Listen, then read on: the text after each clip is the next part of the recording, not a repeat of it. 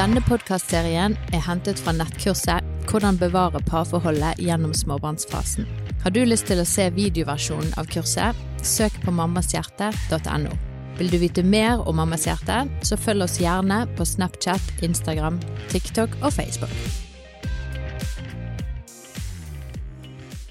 Nå skal vi snakke om det å være mor i forhold til det å være kone.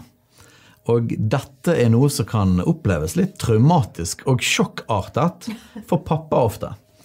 Fordi at når eh, man får barn Før det så har man jo hatt et herlig liv bare to sammen. Eh, alt har handlet om eh, paret og den relasjonen man har.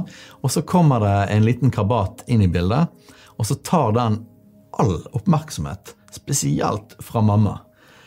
Og mamma kan bli veldig oppslukt inn i det. og for fedre så kan det oppleves småtraumatisk. Fordi at liksom, Hvor ble det av kjæresten min? Hvor ble det av konen min etter vi fikk barn? Så dette er viktig å snakke om. Jeg har et hjerte av å være med og bevisstgjøre en, eh, et perspektiv og en tanke. Det har ikke egentlig så mye med hva man gjør, og at du plutselig skal ikke du bruke tid på ungen din og fokusere på den, men det har med et, et perspektiv og, og et, et, nytt sett eh, briller som jeg har lyst til å levere ut til dere i dag.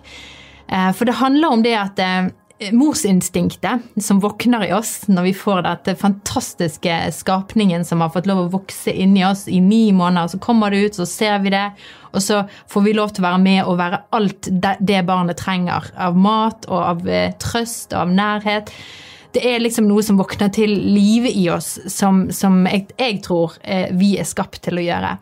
Eh, og det morsinstinktet kan være så voldsomt og så kraftig at vi forsvinner litt som person oppi det hele. Eh, både som oss sjøl, vi, vi viskes litt ut. Våre behov spiller ikke noen rolle.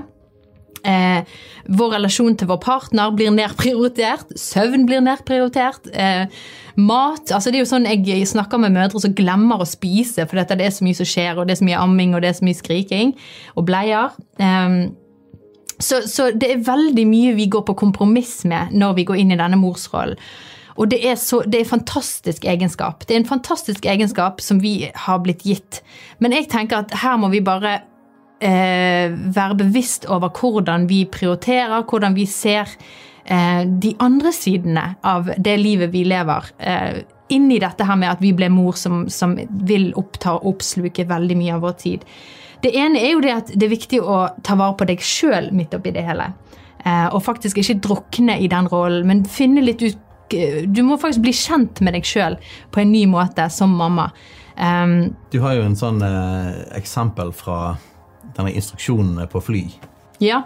Eh, Når du sitter på fly, så, så går disse flyvertinnene gjennom alle disse sikkerhetsreglene. Og da er det jo dette med disse maskene som faller ned når trykket faller. Så er det så viktig at du tar masken på deg sjøl før du setter den på barnet ditt eller på noen andre. Fordi det handler om at hvis ikke du får oksygen og lever og puster, så kan du heller ikke redde og hjelpe noen andre. Og det samme gjelder for morsrollen. Vi, barnet de krever absolutt alt. Og de krever faktisk mer av oss enn det vi eh, har mulighet til å gi dem. Eh, og her må vi bare sette litt grenser for oss sjøl. Vi må nødt til å finne hva er det jeg trenger i denne fasen. For meg var det litt sånn at eh, jeg husker en gang Det var vel eh, når vi hadde fått to jenter, og de var ganske små. og så spurte du meg litt sånn Ja, hva er dine behov nå eh, i denne fasen? på en måte? Og jeg satt og jeg kjente jeg, jeg har ingen behov lenger. Alle mine behov var vekke. Jeg visste hva huset sitt behov var i forhold til hva trengte å gjøres i huset. Jeg visste hva barnet sitt behov var til enhver tid. Nå vet jeg at hun, hun har ikke sovet på så mange timer, og hun trenger mat nå, eller hun trenger en ny bleie nå. Der kom bæsjebleien som jeg ventet på, sant? på klokkeslettet. Altså, du har alt drillet inn, da. Ja. Um, men jeg kjente, jeg visste ikke hva jeg trengte. Om jeg trengte å gå ut en tur med en venn, eller om jeg trengte å spise, om jeg hadde spist det siste døgnet.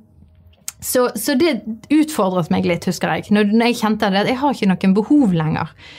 Uh, og så var det noe med det at jeg fikk lov å dra på en reise med mine foreldre i, noenlunde rundt den tiden uh, hvor jeg dro alene. Du hadde passet våre fantastiske barn, og så fikk jeg dra alene med de en uke til Gran Canaria.